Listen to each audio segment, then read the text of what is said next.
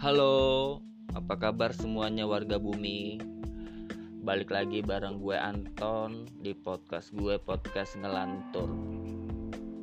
Kali ini gue akan bahas sebuah topik yaitu sabar. Sabar itu capek, sabar itu pegel, sabar itu kesel, sabar itu akan berujung indah pada waktunya. Kapan indahnya? Ya, sabar aja.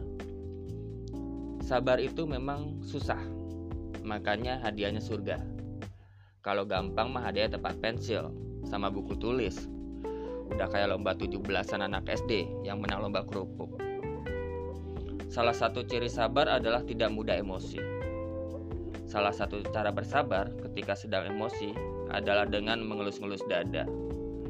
Dengan begitu, hormon endorfin dan dopamin bekerja.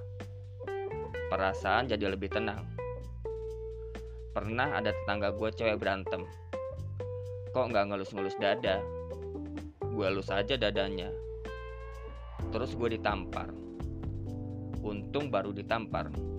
Daripada suruh bayar, repot.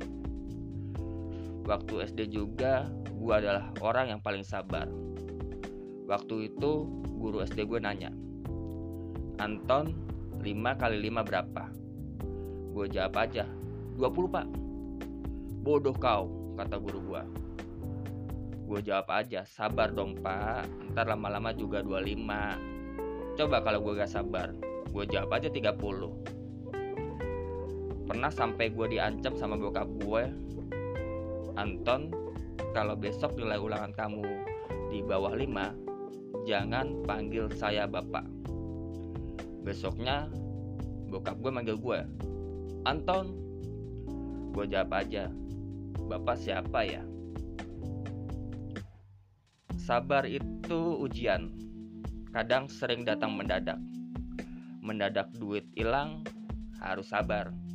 Mendadak lihat gebetan jalan dengan cowok lain, harus sabar. Mendadak ditinggal pas lagi sayang-sayangnya, harus sabar. Namanya juga hidup. Pasti penuh tantangan kalau penuh tentengan itu namanya belanja di pasar.